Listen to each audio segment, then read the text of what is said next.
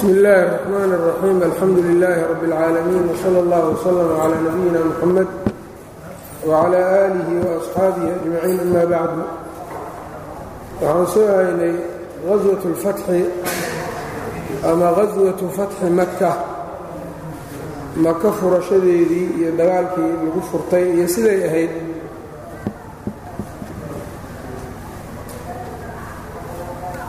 oo musanifku soo tilmaamay asbaabtii sababkii fatxu maka dhaliyey. Heshiis ayaa awal jiray. Toban sano inaan la isdagaalin nebiga iyo quraysh.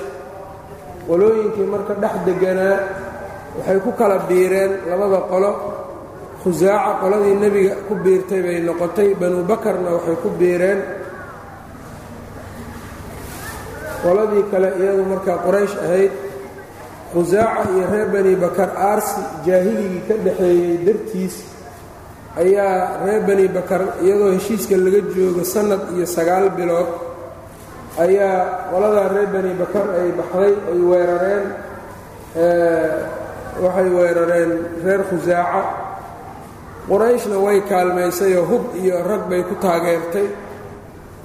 Dadkii marka reer khusaaco ee la laayey dadkoodii ayaa nebiga u yimaadeen waxay u sheegeen akhbaartii.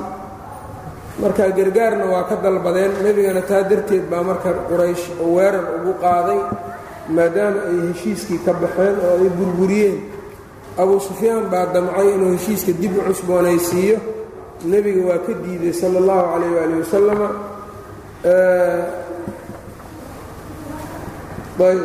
waana u diyaargaroobay ilaahay buu ka baryey in arrinkiisa uu ka qariyo quraysh. Alla waa ka qariyey markii xaatib ibn abi baltaca radia allaahu canhu uu isku dayey inuu waraaq qoro oo iyaga uu gaarsiiyana waa gaar. Waa tii marka rawdatu khaaq meeshii la dhahaya lagu qabtay naagtii fariinta waday lagana soo celiyey. Ayb. Halkaas baan marka joognay waharaja sala allahu calayhi waaalihi wasalama nebigu waa baxay licashrin khalowna min ramadaan iyadoo toban maalmood ay ramadaan ka tagtay.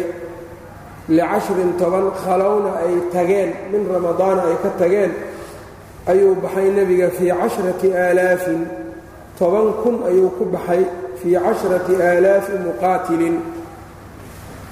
Toban kun oo dagaalyahan ayuu ku baxay isagoo ku dhex jiro min almuhaajiriina waalansaari wa qabaa'ili alcarab oo isugu jira muhaajiriin ansaar iyo qabaa'ishii carabta waqad allafat musaynatu wakada banuu sulaym reer musayna iyo reer banuu sulaymna way dulmeen ayb oo ciidankii bay ku jireen cala almashhuuri radia allaahu can jamiicihim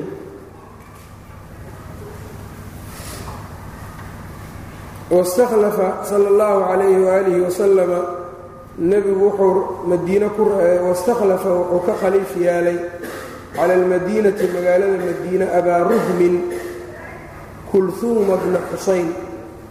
Ninkaa ayuu uga dhigay madiine uga sii tegey waana dhaqaajiyey.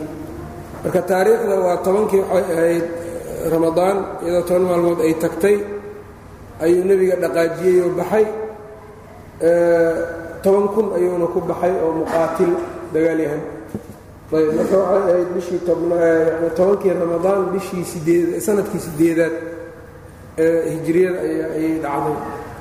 Toban kun ayuu marka ku tegey laba sano ka hor heshiiska intaan la dhigin kun iyo afar boqol buu nebigu watay sala allahu calayh waali wasalam sanad iyo dhowr sanad iyo sagaal bilood gudahoodna toban kun ayaa jeeshkiisu gaaray. Taana marka waxay keenaysaa heshiisku faa'iidada uu dhalay iyo inuu xaqiiqatan fatxi uu yahay iyuu tilmaamayaa maxaa yeelay afar yacni kun iyo afar boqol iyo toban kun inta udhexaysa waa la garan karaa madiinana marka ninkaabuu uga tegey walaqiyahu cammuhu alcabbaas. Adeerkiis cabbaas ayaa wuxuu kula kulmay ilaa dilxulayfa dulxulayfa meesha layraa ayuu kula kulmay ilaa toban mayl meelahaasay u jirtaa madiina amaba ka yar waa meesha ay dadku ka soo xarmadaan. Wa yuqaalu aabaar cali. Meesha magacaasna caamadu waa u taqaanaa. Ayb. Dulxulayfa ayaa waxaa kula kulmay adeerkiis cabbaas. Wa qiila waxaa la yidhi ila aljuxfa dulxulayfa maaha ina juxfa bay ahayd. Juxfana waa meesha hadda raabakh la yidhaahdo ayb. Fa aslama wuu islaamay cabbaas warajaca macahu sala allahu calayhi waaalihi wasalama nebiguuna la soo laabtay. Wa bacaa wuxuu u diray haqalahu dadkiisii cuslaa yacni xaasaskiisii iyo ilmihiisii weeyaane ila almadiinati madiina u diray. Isaga marka xaasaskii iyo ilmihii dadkii cuslaayo uu watay madiine ayuu u diray. Isagiina nebigou dib ula soo laabtay u raacay. Marka cabbaas markuu ka soo tegey uu kula kulmay nebiga waa islaamay ilmihii iyo dadkii cuslaabuu iska dhiibay ou diray oo madiine u diray isagiina nebiga ayuu dhankaa iyo maka kula soo laabtay. Walama intahaa sala allahu calayhi waaalih wasalama nebigu markuu soo gaaray ilaa nayqi alcuqaab meeshaa markuu soo gaaray nayqi alcuqaab waa meel maka iyo madiine u dhaxayso oo juxfo u dhow.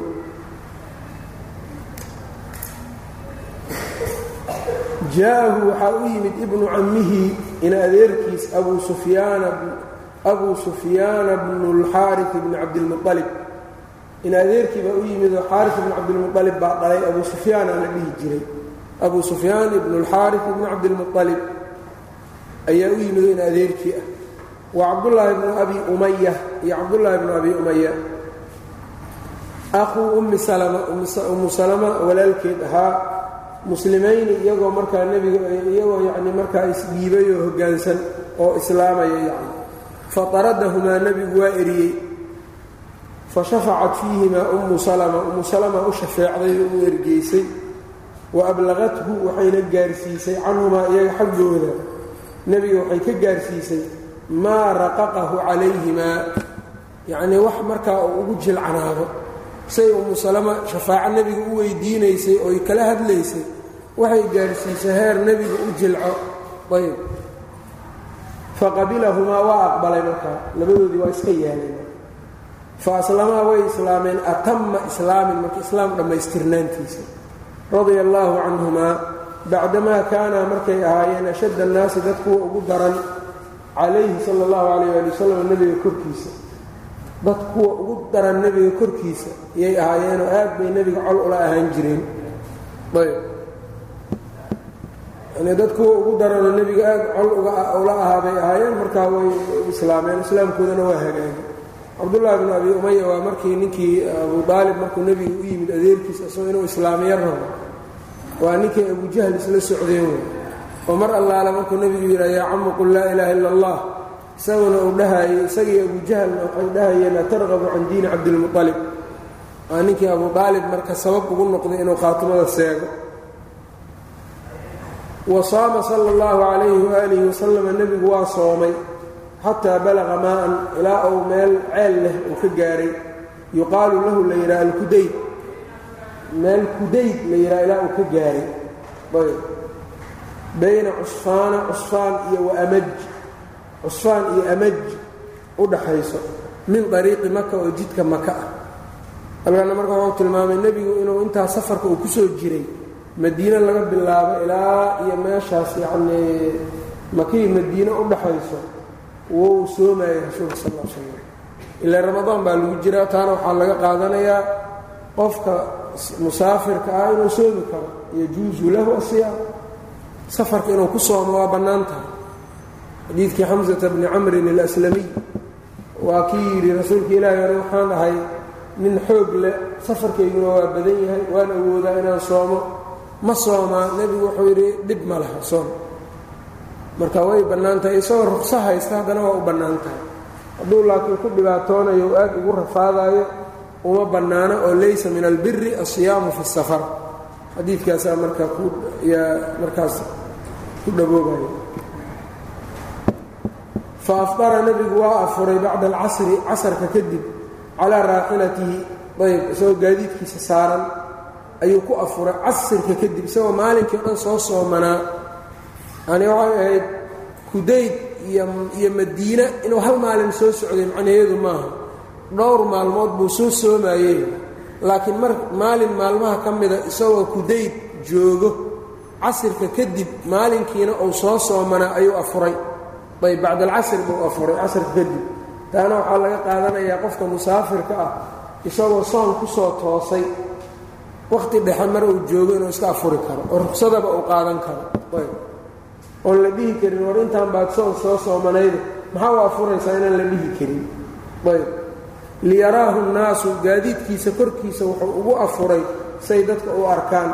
Wa arkhasa linnaasi dadkana wuxuu u ruqseeyey fi lfitri inay afuraan uma markaa dabadeed casama calayhim waaba ku waajibiyey fii dalika arrinkaa dad baa marka ruqsadii nebigu marka hore ruqsa ahaanu ka dhigay dadkii qaar soonkooday iska wateen qaar waa afureen marka cadowga loo sii dhowaaday oo cadowgii marka aad loogu dhowaaday nebigu qasab buu uga dhigay inay afuraan musaafiriinna waa ahaayeen cadowna waa la dagaalamayaan dagaalkuna wuxuu rabaa quwo iyo awooduu rabaa markaa nebigu waaba ku waajib yaalay markii dambe wuxuu yidhi ulaaika alcusaah ulaa'ika alcusaah dad baa soomanaa la yidhi rasuulka ilaahi markaasu wuxuu yidhi kuwaasi way caasiyeen kuwaasi way caasiyeen. Mas'ala marka iyagu hadda safaray ku jireen safarkuna waa lagu afuraa. Laakiin haddaan safar lagu jirin oo magaalada dhexdeeda lagu dagaalamayo ille waa dhici kartaa dagaalku waa kugu qabsan karaa magaaladaadee haddii magaalada dhexdeeda lagu dagaalamaayo musaafir aadan ahaynoo xadar aad tahay dagaalkiina aad ku jirtid. Soonku in la soomaa miyaa waajib ah mase inaan la soominoo mar dambe la qalleeyo layska afuro? Masaladan waqtigii tataarta ayay muslimiintana ayay ku dhacday. Dimashqi shaam markay tataarta ay kaabiga u soo galeen dimashq oo muslimiintii dimashqna ay meesha kula dagaalamaysay ayaa laysku qabtay. Shaykhulislaam ibnu taymiya raximah اllahu tacaala waxa uu yidhi inay in la afuro ayuu dadka faray si cadowgooda xoog ay ugu yeeshaan oo iyagoo daciifoon ordi karin ama dagaalami karin ama aan yacnii wixii dagaal u baahnaa iyagoon samayn karin baahi darteed inaynan noqonin oo ay afuraan mar dambena iska qalleeyaan xadiidkan oo qisadan buuna soo qabsaday maxaa yeelay bacdu riwaayaatihi waxaa ku jirtay nebigu inuu yidhi sala allahu calayh ali wasalam innaa laaqu lcaduwi hadan annagu berri cadowga berrita cadowgaan la kulmaynaa marka yacnii nebigu uu amray in la afuro oo si cadowga xoog loogu yeesho ayuu nebigu amray saa marka in lagu afuro cilladana nebiga wuxuu uga dhigay innaa laaqul caduwi hadan annaga berri baan cadow qaabilaynaa marka xukunka jumladaa nebigu uu ka hormariyey afuritaanka xukunkay saamayn ku leedahay bina'an calaa daalika cadowga dartiis waa loo afuri karaa. Ayb isagaana walidaalika ibnu taymiya dadka iyagoo shakisan ayuu isagu intuu galaas biyaa qabsaday ayuu cabay. Markaasay dadkii soonkii baa ay fureen cadowgii bay la dagaaleen ilaahay waa ka guuleeyey soonkiina waqhti kalea marka in la qalleeyo uu amray. Saasaana ibnulqayimna uu sheegay. Culimmadana marka saasay u badan yihiin. Maxaa yeelay haddii aan sidaas la yeelin oo daruuradaas maslaxo qofka u soo noqonayso oo isaga safarkiisa iyo qofka jiradiisa ayaa soonkii loo baabi'iyey oo soonkii yacnii qofka looga daayey maslaxo muslimiintao dhan u soo noqonayso in soonkii lagu yacnii dadka loogaga loogaga ruqsayn waayo fiqiga ma keenayo sidaas. Ayb maxaa yeeley haddaan cadowgaas layska celinin oo loo xoogaysanin oo cadowga oo dhulka qabsada meel lagu sooma lama helayo meel lagu soomo iyo meel lagu tukadaan la helaynin bis waayo markaayb walidaalika labada maslaxo waxaa xoog badan. Labada cibaadaba waa la taxqiijinayaa soonkana dib baa laga keenayaa.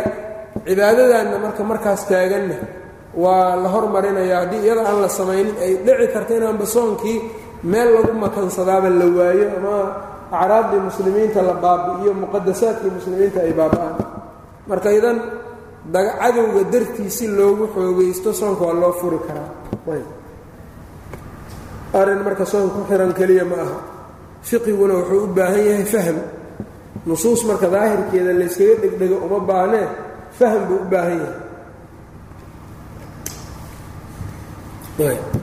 oo maxaa yeelay shaaricu axkaamtan waajib sunno xaaraan jaa-is wuxuu ku xihaa cilal. Cilladaasaa marka xukunku la joogaa waatay dhahaan alxukmu yaduuru maca alcillati wujuudan wacadaman haddii cilladii la waayana xukunka waa la weynaya haddii cilladii la helana waa la helayaa xukunka.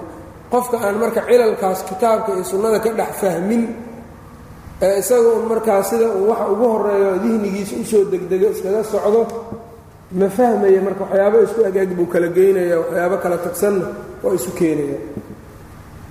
Ayb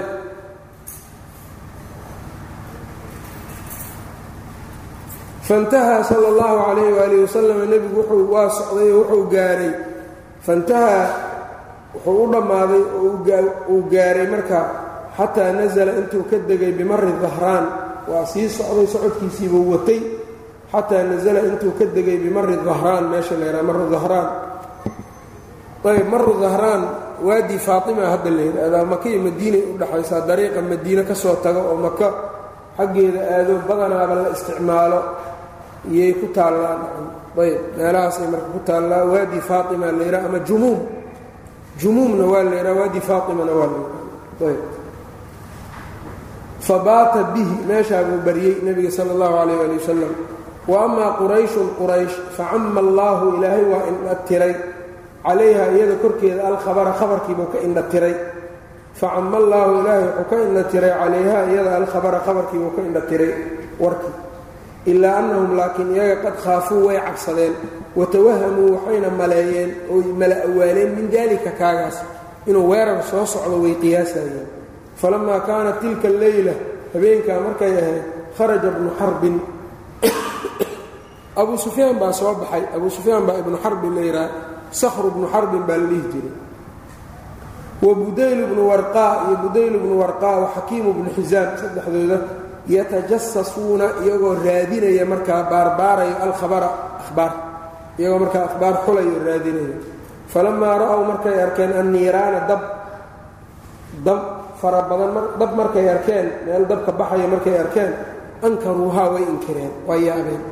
Faqaala budaylun budayl waxa uu yidhi hiya naaru khusaaca waa reer khusaaca dabkoodii waayo dab ay reer khusaaca bixi.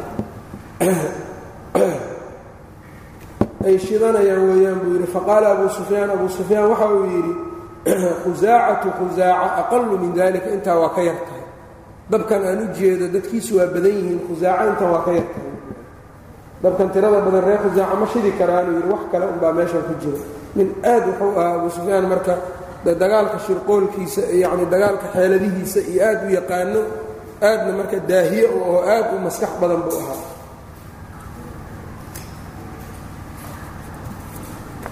Warakiba alcabaasu cabaas wuxuu soo fuulay baqlata rasuuli llahi sal l slam nebiga baqashiisiibuu soo fuulay leylata idin habeenkaa wa kharaja min aljeyshi ciidankiibuu ka soo baxay lacalahu yalqaa axadan bal inuu cid la kulmo u arko.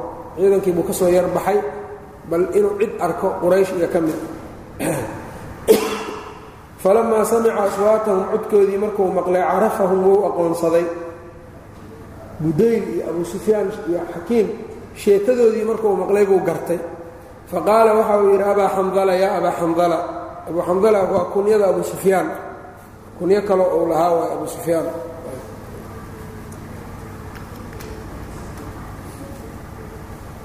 Facarafahu abuu sufyaan abuu sufyaan wuu gartay. Faqaala waxa uu yidhi abulfadl a anta abulfadl adigu ma waxaa tahay abulfadl cabaas baa abulfadli la dhihi jiray. Kunyadana waa isugu kunyeyn jireenoo waa isku ixtiraami jireen.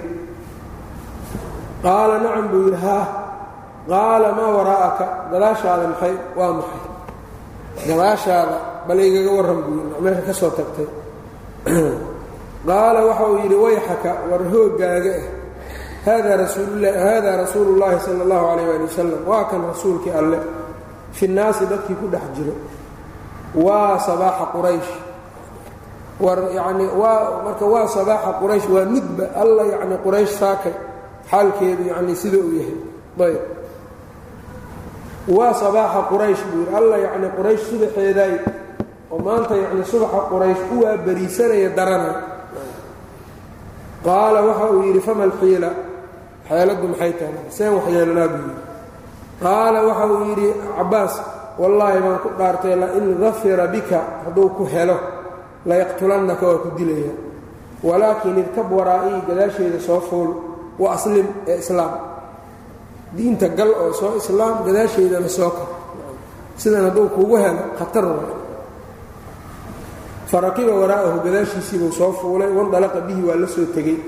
Famara fi ljeysh ciidankiibuu markaa soo dhexmariyey kulamaa ataa calaa qowmin mar walba ou dad u yimaado qoom yaquuluuna waxay dhahayaan hada camu rasuulillahi sala allahu calayh waali wasalam kani waa nebiga adeerkiisa calaa baqlati rasuulillahi sal l slam baqashii nebiga saaran oo fuushan xataa mara bimanzili cumara bni اlkhadaab ilaa uu ka soo gaaray meel cumar uu joogay. Radia allahu canhu falamaa ra'aahu markuu arkay cumar abu sufyaan qaala waxa uu yidhi caduwullah hada caduwullahi kani waa cadowgii ilaahay. Alxamdu lilaahi aladii amkana minka. Ilaahay baa mahadle ikaa makaniyey adiga ii kaa suuro geliyey maanta bikayri caqdin heshiis la'aan walaa cahdin iyo ballan la'aan adoon ballanna meeshaan ku imaanin. Heshiis horena uusan kuu oolin. Allihii ikaa makaniyeyo gacanta ii kaa geliyey yaa mahadle buu yidhi wayarkudu alcabbaasu cabbaasna wuxuu la gulfaayey markaa uu la ordaayey. Calaa baqlati albaqlata baqashii buu ku ordaayey cabbaasna orod buu ku socday marka. Wayashtadu cumaru radia allaahu canhu cumarna markaa waa ka daba tillaabsanayey waa ka soo daba cararayey fii jaryihi orodkiisa isagoo markaa ku jiro. Isagoo ordaya ayuu ka soo daba tallaabsanaya ka soo daba ordayey wa kaana baii'an wa kaana wuxuu ahaa batii'an mid orod yar ayuu ahaa. Ayb fasabaqahu lcabaas cabaas baa ka hormaray. Faadhalahu calaa rasuulillahi sala allahu calayh ali wasalam nebigiibuu dalaq u soo siiyey u soo geliyey wa jaa'a cumaru cumar baa yimid fiihi aharihi raadkiisii buu ku yimid isagoo daba socdo fasta'dana rasuula اllahi sal ly slam nebigu ka idin dalbaday fii darbi cunuqihi luqunta inuu ku dhufto faajaarahu lcabaasu cabaas baa magangeliyey mubaadaratan ayb ayb faajaarahu lcabaasu cabaas baa nabadgeliyey markaa mubaadaratan yani degdeg ahaanba fataqaawala huwa wa cumaru bnu اlkhadaab radia allaahu canhumaa isaga iyo cumar baa warar isdhaafdhaafsaday oo isku qayliyey oo adalla kulul isyiri ayb faamarahu sala اllahu calayh waali wasalam nebiga wuxuu amray an yaأtiyahu bihi qadan berri inuu u keeno oradoo berri ii keen buu yidhi falamaa asbaxa markuu soo waabariistay ataa bihi rasuula اllahi sal ly slam nebiguu ula yimid cabaas baa abuu sufyaan nebiga u keenay facarada calayhi اlislaama islaamkiibuu u bandhigay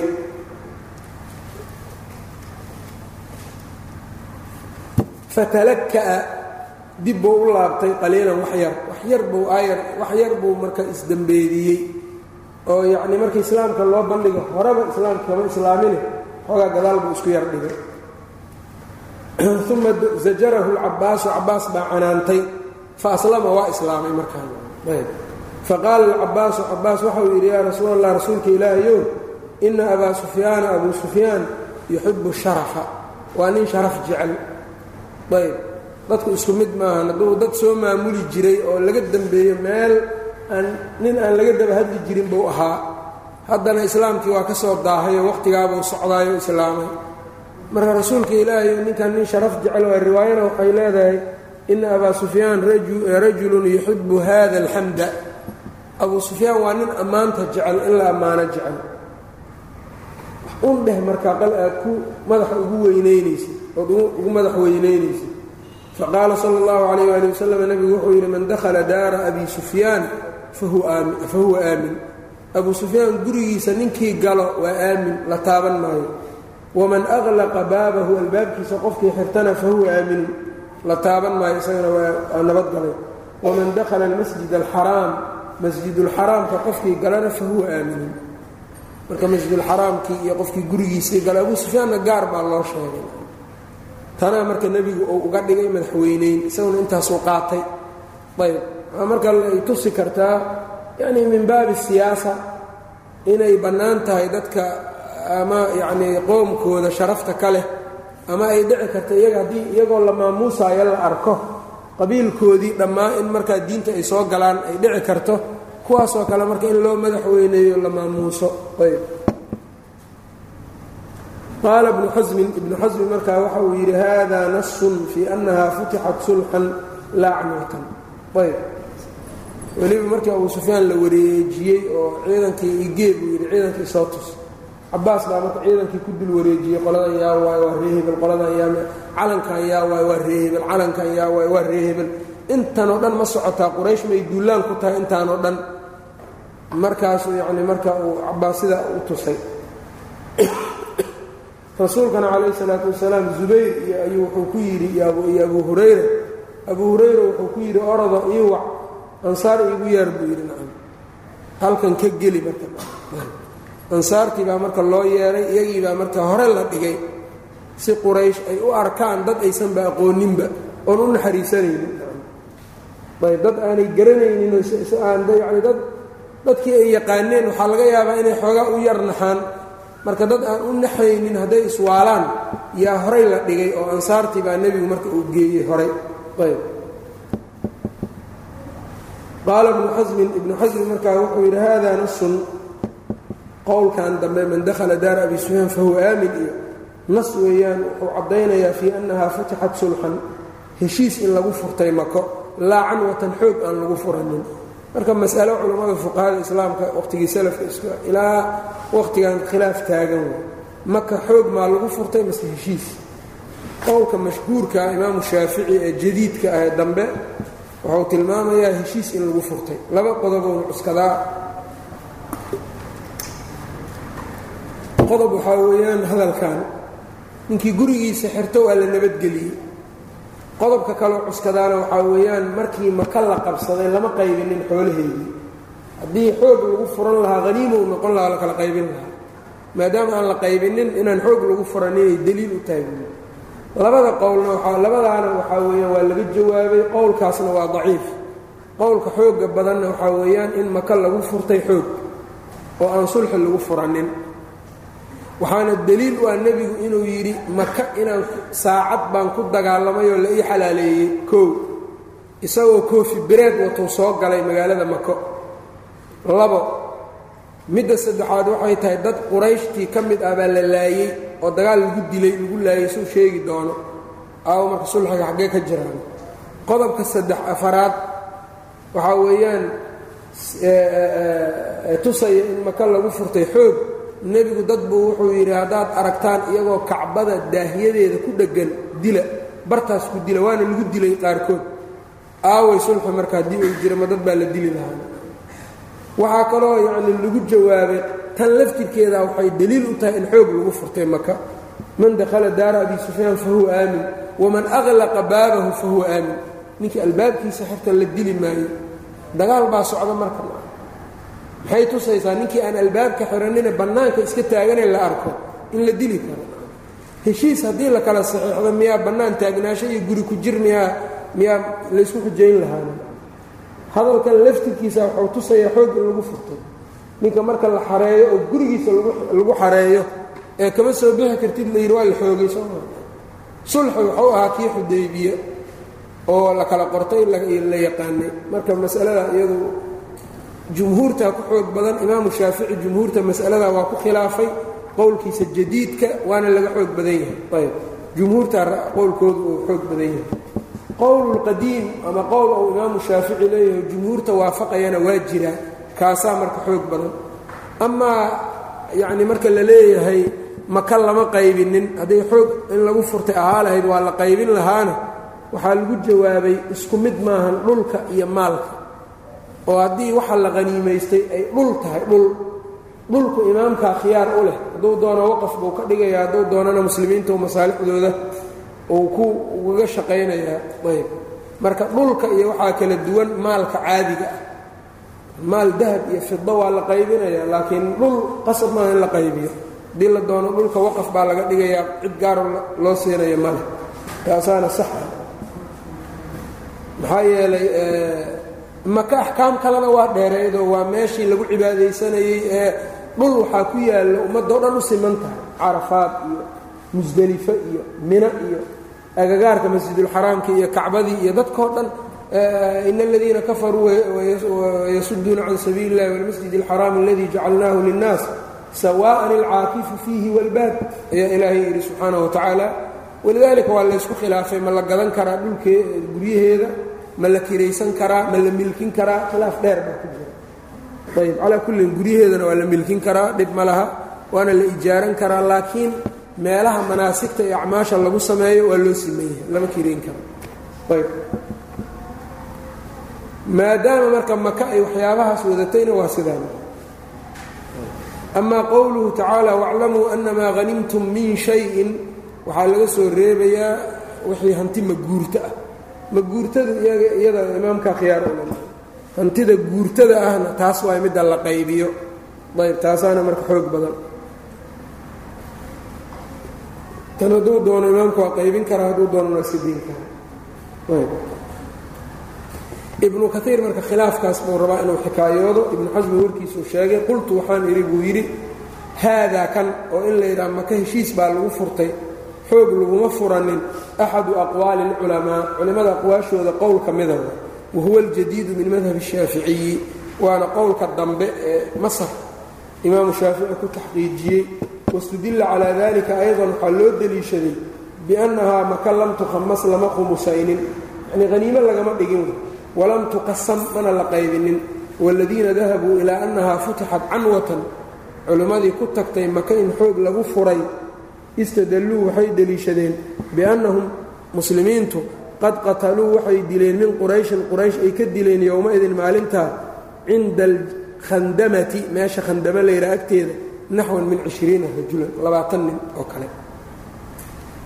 Wاstadalluu bihada lafdi ayضan lafdigaanna waa deliishadeenoo fahuwa aaminun fahuwa aaminun erey heshiis tusaaya ma aha kanna waa xujaysteen marka wاlmas'alaةu mas'alada ibnu kaiir wuxuu yidhi yatuulu taxriiruhaa tafatirkeedu wou dheeraanayaa haahunaa meeshaan in lagu tafatiro aad buu u dheeraanayaa waqad tanaadara shaykhaani labadii sheekh baa ku doodeen fii hadihi اlmas'alati mas'aladan acnii labada sheekh waxaan u jeedaa taajdiin alfazaariy taajuddiin alfazaari ibnu firkaaxa la dhihi jiray waa faqiih weyn oo usuuli ah waaye oo a'immada shaaficiyada waaweyn ka mid ah iyo wa abaa zakariya annawawiya iyo alimaamu nawowi ayaa ku doodeen oo isagana de imaam weynoo taqaanaan. Taajuddiin ibnulfirkaax iyo alimaamu nawowi oo isku waqti ahaabaa ku dooday mas'aladan. Ayb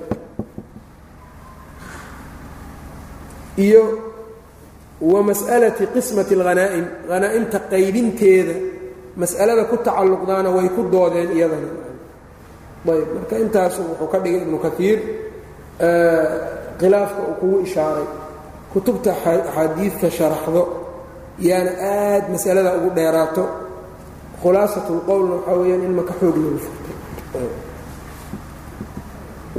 ayb markaa wuxuu yidhi wاlgaradu anahu salى اllahu alayh wali wasalama marka hadda haddii canwa iyo sulxi yani amaro waa ku jirtaa fiqhi ah laakiin hadda siirada marka la joogo wax weynoo hadda ku jiraa ma laha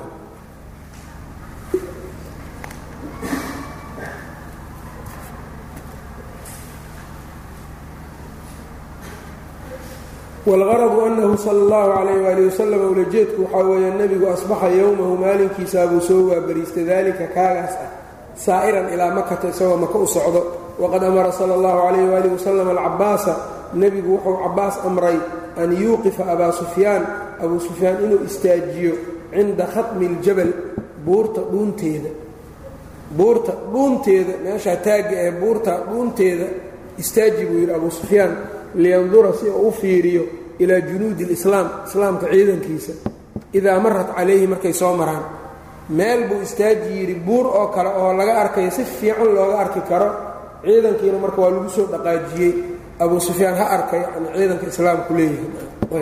Taana marka waxaa laga qaadanaya isticraabka iyo yanii dhoolla tuska. Yanii in wax la yaqaanay ay ahayd jaa-isna inuu yahay bal oo mashruuc uu yahay mararka qaar.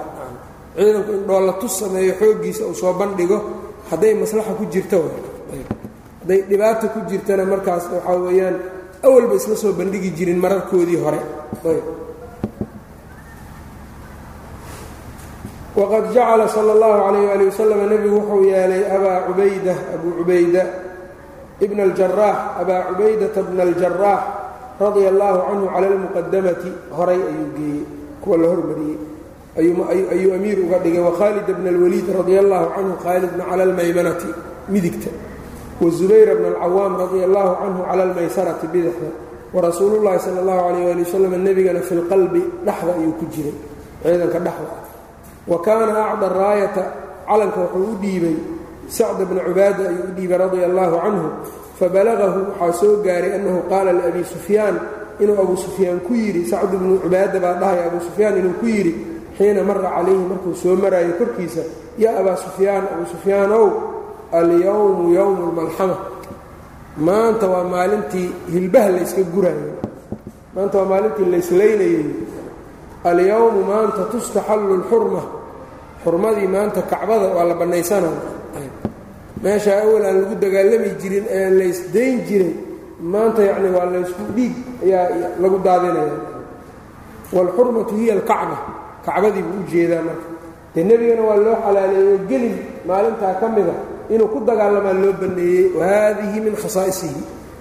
Ibnu kaiir khasaa'ista nebigu ku sheegi doonaa waxyaabaha nebiga uu la gaarka ah bay ku jirtaa kacbadaas inuu ku dagaalamo isaga keliya loo oggolaaday gelin maalintii ka mida markaasuu nebigu wuxuu yidhi xaaraantinimadeedii bay haddana ku soo noqotay.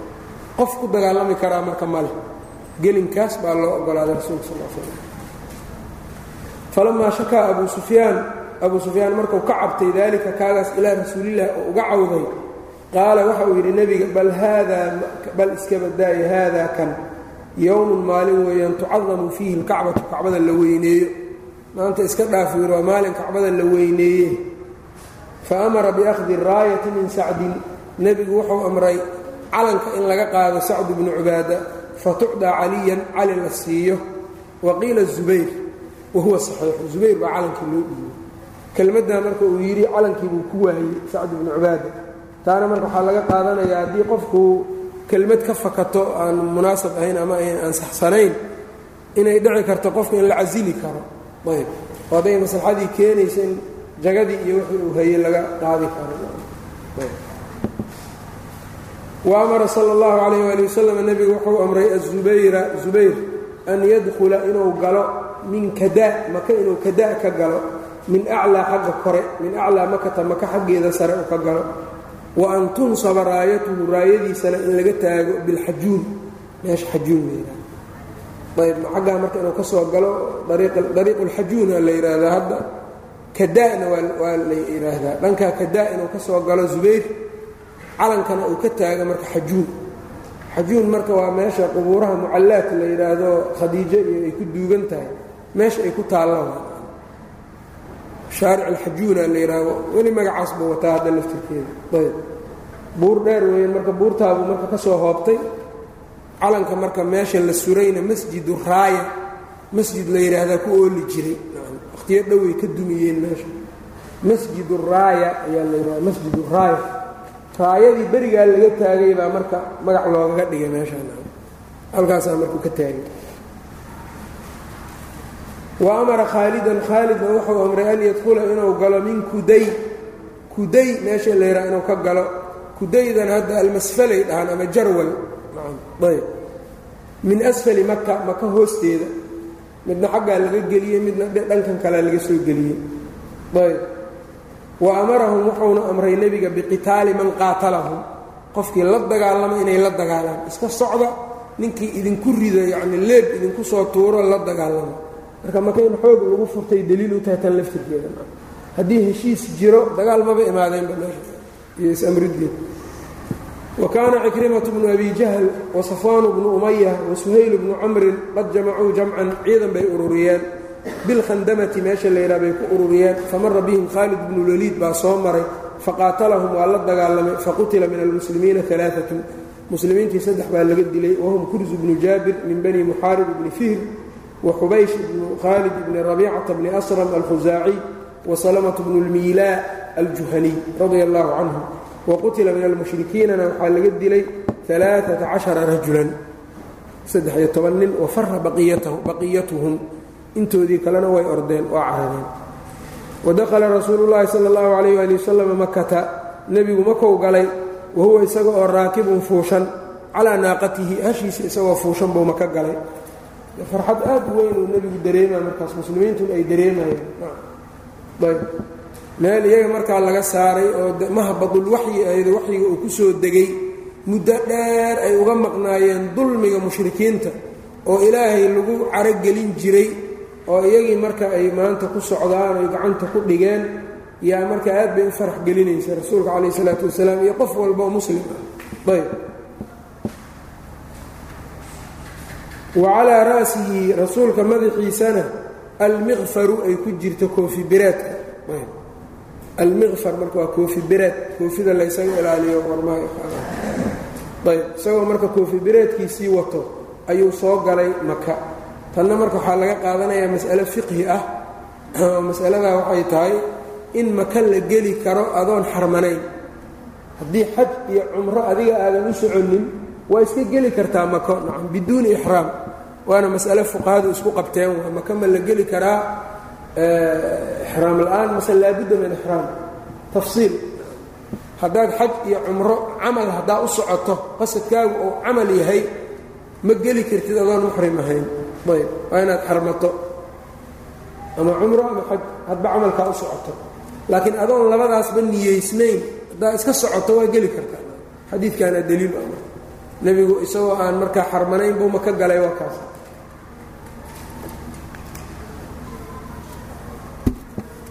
xadiidkanna marka imaam maalik baa la gooni noqday baa la yidhi. Saxiixuu ku jiraa xadiidka. Maalik baa la tafaruday baa la yidhi. Markaasaa abubakar ibnuulcarabi uu yidhi bal iska dhaaf inuu maalig la gooni noqday kow iyo toban baa la warisay. Markaasaa culimmadii wakhtigiisii joogtay baa waxay dhaheen waxaan waa ka badbadis keenaa la yidhi kow iyo tobanka dariiqa aad sheegaysa isagiina marka ma keenin. Markaasay mujaasafo iyo waxbay u nisbeeyeen ibnu xajar baa marka wuxuu yidhi kow iyo tobanka dariiq waa jiraan. Saddex kalena weliba oo uusan tilmaamin isaga ayaa jirto. Yidhi saddex afar iyo tobankii dariiq buu marka wada keenay. Laakiin wuxuu yidhi in la dhahaa haddii la dhihi lahaa dariiq saxiix ah oo aan midkaan maalig ahayn xadiidkan laguma warinin war toosan uu noqon lahaa. Laakiin in layska idlaaqo la yidhi ayi dariiq kuma imaanin dariiq kale. Taas baa la diidayaa yidhi ayb marka yacnii ibnulcarabi baa saxsan buu yidhi maalig keliya lama gooni noqdeen laakiin dadka iqaadda maalig unbaa la gooni noqday taana waxay tusaysaa qofka isagoon waxa ixaadaynin oo aan jaanib walba ka fiirinin inuu ku degdego xugun waxa shayga inuu xugunkiisa ku degdego inaynan saxsanayn. Badanaana qof cilmigu fahamkiisu ku yaryahaa saasoo kale yeelo shaygu haddii aad og tahay mas'aladu darfaheedu inuu ballaaran karo adiguna cilmigaagu yaryahay waxay ku fiican tahay inaad tidhaahdo inta aan ogahay. Inta aan ogahay intaanan ogahay aniga.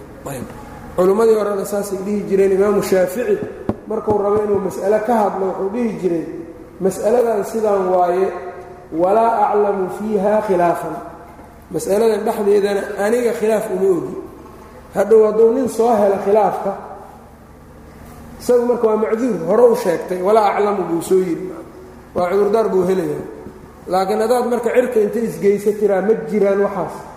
Wixiina berri la helo cilmi ahaan loo helo.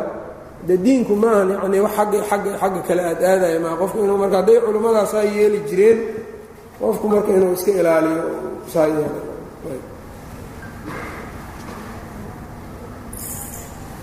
ayb wara'suhu madaxiisa isaga oo wuxuu maka galay isagoo madaxiisa yakaadu wadakhala rasuululah sal slam makata ayuu galay walxaal iyadoo ra'suhu madaxiisuna yakaadu uu sigayo yamasu inuu taabanayo muqadamata araxli kooraha ratigii hashiisa saarnaa afkeeda hore inuu madaxiisa isagoo taabanayo ayuu galay yacnii isagoo fooraro ayuu galay. Isagoo fooraro oo madaxa hoos u foorarinayo ayuu maka galay. Ayb min tawaaducihi lirabbihi caza wajalla sidaana wuxuu u yeelay hoos isu dhigidda iyo yacnii isbihinbihinta oo u tawaaducayo rabbigii caza wajalla oo dadku markay meel qabsadaan oo jeish toban kunna ay isku og yihiin maanta in toban kun oo ciidana ay daba socoto magaaladii dhammayd qabsaday. Isaga markaa waxaa weeyaan inuu xagga ka qudbeeyo intan ka qudbeeyo oo yacni uu iskibriyo oo madaxa kor u taago oo awood sheegto oo dadka guulguulo iyo sidaasuu yeeli lahaa. Laakiin rasuulka ilaahi yacni sala allahu calayh waali wasalama maka wuxuu galay isaga oo markaa madaxiisa hoos u foorarinayo madax hoos u raaricinta waxay tusee tawaabuc iyo tadallul allow ku shukrinayaa ilaahay wuu u mahad celinayaa addoonnimadiisana waa muujinaya.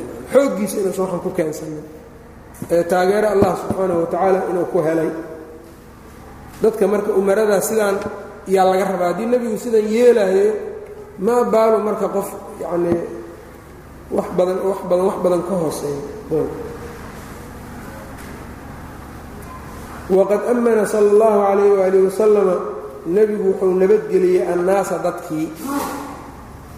Maxaabiista awalba nebiga ama imaamka ikhtiyaar u leh inuu ama daayo ama wax ka qaato ama addoonsado waa iska daaya marka nebiga waqad amana sala allahu calayh waali wasalam wuu ammaan geliyey annaasa dadkii ilaa cabdalcuza bni khaal ilaa cabdalcuza bna khatal mooyaane wa cabdallaahi bna sacd bni abi sarx ninkaan ma wa cikrimata bni abi jahlin wa miqyasa bna dubaaba waalxuwayrita bna nuqayd wa qaynatayni iyo laba naago heesi jirtay libni khaal ninkaa ibnu khaal ou lahaan jirayoo nebiga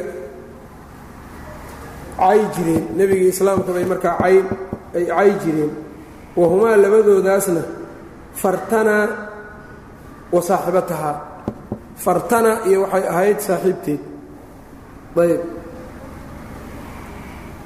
Wa saarata iyo saara mawlaata mawlaatan libani cabdilmualib kuwaabuu amray in la dilo. Fa innahu sala allahu calayh waali wasalama maxaa yeele nebiga ahdara dimaa'ahum dhiiggooda wax ka soo qaad midaan lahayn buu ka dhigay. Wa amara biqatlihim dilkoodii buu amray xaysu wujiduu meeshii laga helaba meel allaale meeshii lagu arka hala dila buu yidhi. Xataa walow kaanuu haba ahaadaan mutacalliqiina kuwo ku dheggan biastaari ilkacbati kacbada daahyadeeda xataa hadday ku dhegaan bartaa ku dila buu yidhi. Faqutila bnu khadal waa la dilay huwa isaga oo mutacalliqun bilastaar isagoo kacbadii ku dheggan kacbada haysto ayaa bartaa lagu dilay wamiqyas bnu dubaabana waa la dilay waalxuwayris bnu nuqayd wa ixda alqaynatayni labadii naagood mid ka mida wa aamana albaaquuna intii kalena way rumeeyeen intaa iyagu waa la dilay kuwii kale waa carareen waa la soo cogayso ay soo laabteen way rumeeyeen cabdullahi bnu abi sarxi qisadiisa hadda ka hor baan hore uga sheekaynay cumaan bnu cafaan ayuu ku hooye ahaa nebigu u keenay cumaan yaa rasuul allah wuxuu yidhi baayic cabdallaahi la mubaayaco buu yidhi cabdullaahi waa kan rumeeya.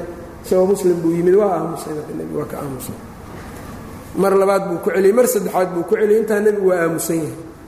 Markii dambe la mubaayacooday markaasuu yidhi war qof alaysa minkum rajulun rashiid qof wax fahmaya miyounan idinku jirin markaan gacantii ka laabtay oon ka aamusay miyaa nin wax gartoo u istaago ninkan dilo miyaan idinka la idinka helaynin markaasay yidhahdeen yaa rasuulallah annaga wax qalbigaaga ku jira ma aanan ogeyne? Maxaad noogu ishaari weysayoo? Ishaada un maxaad noogu iljabi weysay? Annagaa markaa dili lahayne markaasuu nebigu sal ll slam waxa uu yidhi nebi uma habboona inuu yeesho il wax khiyaanaysa. Il dhagar nebi inuu yeesho uma aha. Haddaad i garan weyseen iska daayaad waa islaamay marka. Ninkaa marka isagu saasuu ku fakaday. Raggan marka jaraa-imtooda marka dadkii nebiga la dagaalay uxud kula dagaalamay abuu sufyaanba ka mid yahay waa sidan lama dhihin. Kuwan iyaga marka maxay qabaan oo kacbadu iyagoo kacbadii ku dheggan in loo dilo maxaa keenayna oo dhaliyey waxaa dhaliyey gaalnimadooda waxbaa u wehliyey kufri iyo ziyaaday qabeen ayaga. Kuwa kale kufri bay qabeen bis kuwan laakiin ziyaada u wehlisay ziyaadadu waxay tahay iidaa'uhum lilnabiyi sala allahu calayh ali wasalam nebiga iyo diintay dhibi jireen oo maxaa ka mida siday nebiga ku dhibi jireen waa cay jireen. Gabdhahaasna nebigay cay jireen nimankanna marka iyagaa ku diri jiray rasuulka calayh isalaatu wasalaam marka cay iyo kufri ziyaada ah bay la imaadeen. Marka gaalnimadoodu iidaa baa la socday. Ibnu taymiya saarimulmasluulka saasuu dhahaa kufriga marka iidaha ou la socdo iyo dhibaatadu ay la socoto waa ka duwan yahay kufriga mujaradka ah. Ayb oo nimankii nebigu intuu isku ururiyey say u yaacayeen kacbadii bay dalaq yidhaahdeen kacbadii waa buuxsantay marka odayaalkii quraysh iyo waa carareen markuu nebigu soo galay kacbadii bay dalaq yidhaahdeen albaabkii buu nebigu furay waa ka soo baxeen. Markay ka soo baxeen baa marka uu yidhi maadaa tadunnuuna annii faacilun bikum? Maxay idinla tahay inaan idinku samaynaayo markaasay yidhaahdeen akhun kariimun wabnu akhin kariim shalay sidaa ma dhehaynin markay magaalada ka saaraayeen ay dhibaayeen walaal wanaagsan iyo wiil adeer loo yahayoo wanaagsan saas unbaan kaa filaynaa markaasuu wuxuu yidhi idhabuu fa antum ulaqaa sidii yuusuf walaalihiis yidhi unbaan dhahayaa buu yidhi laa takriiba calaykum اlyowm yakfir اllaahu lakum wahuwa arxamu الraaximiin nebigu marka waa iska cafiyey waa daayey iyagii dhammaantoodna meeshay kula mubaayacoodeen oo halkaasay ku islaameen muslimat اlfatxi ayaa la dhihi jiray marka dadkaas muslimat اlfatxi dad badan baa marka kusoo biiray muslimiinta oo awal muhaajiriin iyo ansaaray ahaayeen hadda muslimat اlfatxi baa marka yimaadeen islaamkoodiina marka waa wanaagsanaaday dadka iyagaan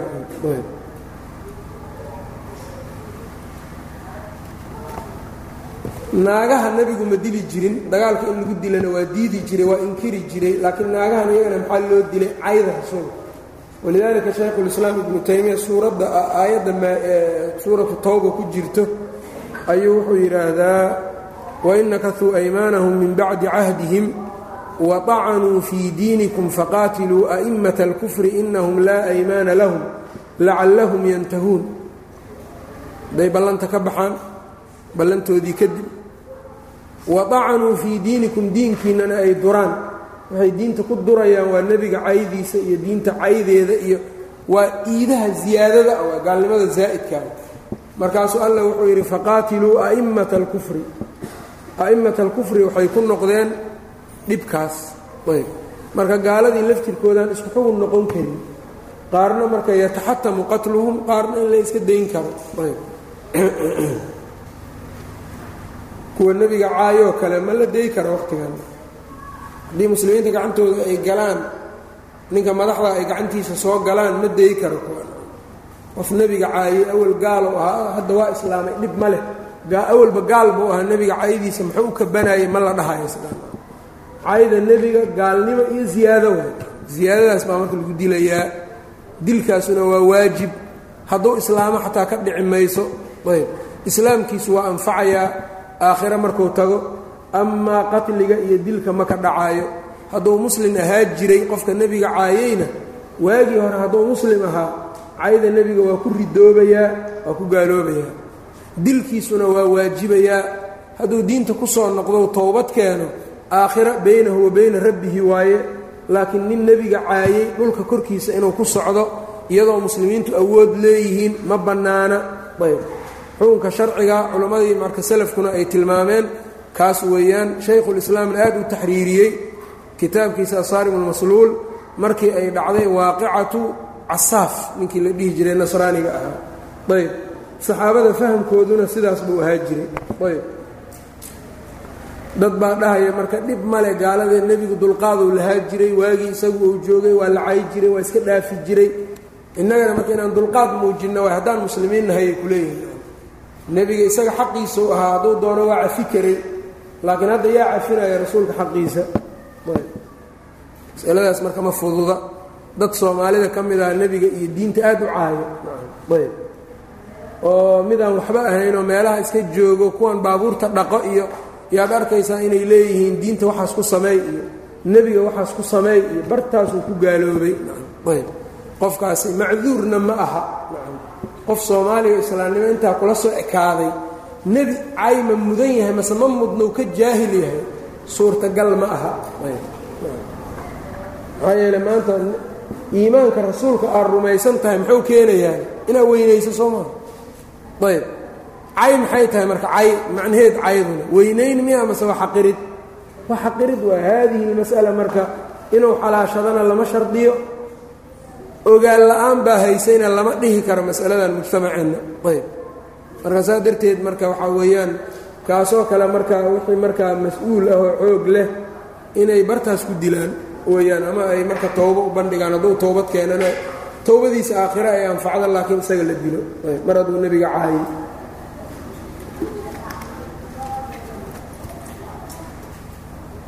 ayb wanasla sala اllahu calayh waali wasalam nebigu wuxuu degay makata maka ayuu degay waاqtasala fii beyti ummi haani gurigii ummu haani oo in adeertiis ahayd oo cali walaashiis ahayd ayuu ku qubaystay wasallaa amaaniya rakcaatin siddeed ragcuu tukaday waqhti barqa'a bay ahayd salaatu duxaa bay ahayd baa la yidhi waqiila salaatu اlfatxi yusallimu waa salaamo noqsanayay min kulli rakcatayni laba ragcoo kasto faqiila waxaa la yidhi innahaa salaatu duxaa waqiila salaatu اlfatxi waa salaad shukri ana waa la yidhi oo salaatu اlfatxi bay ahayd. Qaala suhayliyu waqad sallaaha sacdu bnu abi waqaas ayaa tukaday fii iiwaani kisraa yacnii kisra meeshii uu ka telinayey markuu gacanta ku dhigay ee taladiisii iyo madaxtooyadiisii markuu qabsaday waa tukaday sacdu bnu abi waqaas siddeed buu tukaday. Ilaa annahu sallaa amaaniya rakcaatin buu tukaday siddeed ragco bitasliimin waaxidin hal salaama noqsi buu ku tukaday walaysa kamaa qaala siduu u yidhi suhaylis arrinku ma ahane bal yusallimu min kulli rakcatayni laba ragcoo kasto waa ku salaamo noqsanaya kamaa rawaahu abu daawuud sida uu wariyey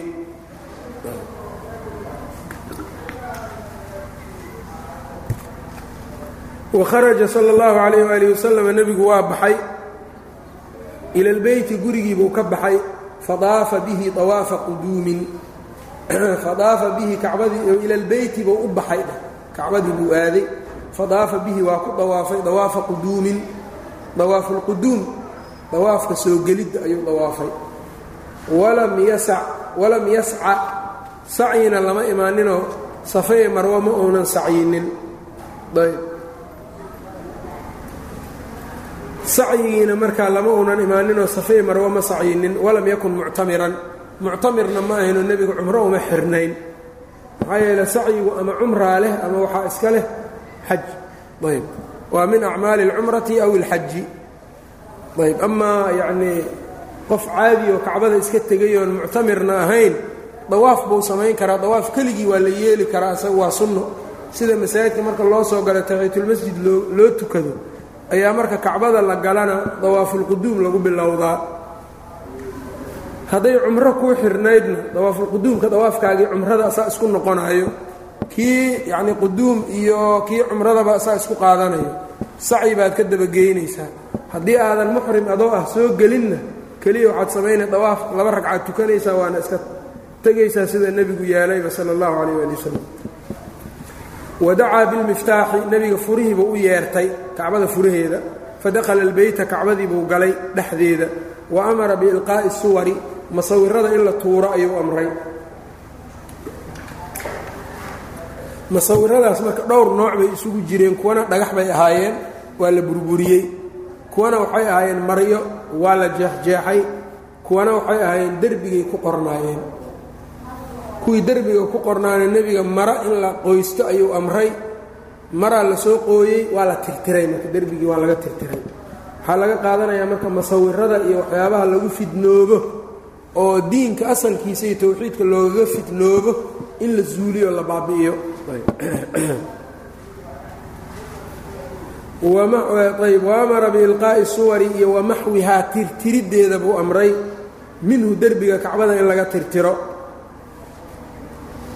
sawirkii wuxuu ku arkay ibraahim iyo ismaaciil buu ku arkay. Iyagoo ibraahim iyo ismaaciil sawirayo qoryo gacanta ku haysto oo ay leeyihiin yacnii alistiqsaamu bilaslaam bay samay jireen. Qoryahan ayay ku faashan jireen. Markaasuu wuxuu yidhi ibraahim iyo ismaaciil ma faashan jirin. Faal ma aqoonin markaasuu wixii dhammaa baabi'iyey rasuulka sal l slam ayb gadaal dambena waxaan ugu tegi doonaa qubuurahana inuu baabi'i jiray rasuulka calayh sala slam waxaan kaloo arkaynaa marka meelihii ilaahay kayrkii lagu caabudi jiray laata iyo cuso iyana in markiiba nebigu inuu amray in la baabi'iyo la jajabiyo maxaa yeelay asludiin oo towxiidkay dadka ka fidneeyaan. Marka qabri hadduu dhisan yahan in la dudumiyo hadday dadku miday tagaan uu yahay oo dadku ay baryaan oo caabudaan uu yahayna indhaha dadka in laga qariyo isaga dhanban oo ilaahay subxaanahu watacaala marka si cibaadadiisa dadka dhexdeeda ay markaa ugu shaa'ic ugu dhex noqoto oo aan la qubuur iyo wax kale aan la caabudin taallooyinka iyaguna in la burburiyo maxaa yeelay waa caada jaahiliya oo iyadana towxiidka marka saamaynayso ayb. Meelaha iyaguna waxaa la mida dadku ay caabudaan oo ay u tagaan macnaha gaarka ay u tagaan oo nafci iyo dur ay ka raadsadaan dib in loo dhigana ma bannaano waxyaabahaas oo kale. Maxaa yeelay dib u dhigooda waxaa ku jiro xaqi alle oo hadmi lagu samaynayo. Walidaalika rasuulka calayh isalaatu wasalaam mar allaala markuu makansaday horuu ka baabi'iyey waqti yar ma sugin xataa. Ayb furihiibuu marka gurigiibuu galay amara biilqaa'i suwari wamaxwihaa minhu waadana bilaalun bilaal waa addimay yowmaidin maalintaa calaa dahri اlkacbati kacbada korkeeda ayuu ku addimay uma radda sala اllahu calayh waali wasalam nebigu waa celiyey almiftaaxa furihi ilaa cuhmaana bni طalxata bni abi طalxata alxajabiy ayuu u celiyey qoladaasaa waxay haysan jireen kacbada furaheeda iyagaa lagu ogaa qabiil ahaan sida cabbaas iyo owlaaddiisa loogu ogaa siqaayada yacnii biyaha samsamka dadka in la waraabiyo iyagaa lahaan jiray marka shaqadii kacbada way kala qaybqaybsadeen nebiga marka qoladii awal haysatay buu faraha uga qaadeen. Ayb. Mar hadday ku islaameen iyagu u daayey. Cali baa damcay inuu ka qaado furihii cumaan baa marka nebiga u yimid. Cali sidaan buuna yeelayaa markaasu waxaa soo degtay baa la yidhi ina allaha ya'murukum an tu'addu lamaanaati ilaa ahliha. Ayb. Marka iyagii buu nebigu ku celiyey sala allahu calayh ali wasalam wa aqarahum waana u sugay nebiga cala sidaanati kacbada u khidmaynteeda inay kacbada iyagu ilaaliyaan ay u khidmeeyaan buu u sugay oo u daayey. Wa kaana alfatxu maka furashadeeda iyo guusheeda licashrin baqiina min ramadaan. Waxay ahayd iyadoo toban ay ramadaan ka dhiman tahay. Toban iyadoy tagtay baa la soo baxay iyadoy toban ka dhiman tahay ayaa maka markaa la galay oo la furtay.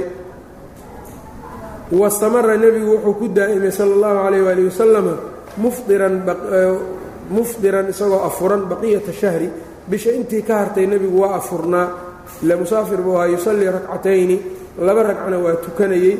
Waya'muru ahla makata reer maka ayuu farayey an yutimuu salaadooda iyagu inay taam yeelaan. Isagaa tujinaayey laba ragcoo salaadaha afartaa ka tukanaayey inay taam yeelaanna dadka waa amraayey. Ilaa sagaaliyo toban maalmood buu salaada gaabinayay markaa maxaa yeele nebigu wakhti ma go-aansanin wakhti uu meesha ka tegaya baan u ayaan u go'nayn safarna waa ku ahaa waa iska gaabinaya marka salaada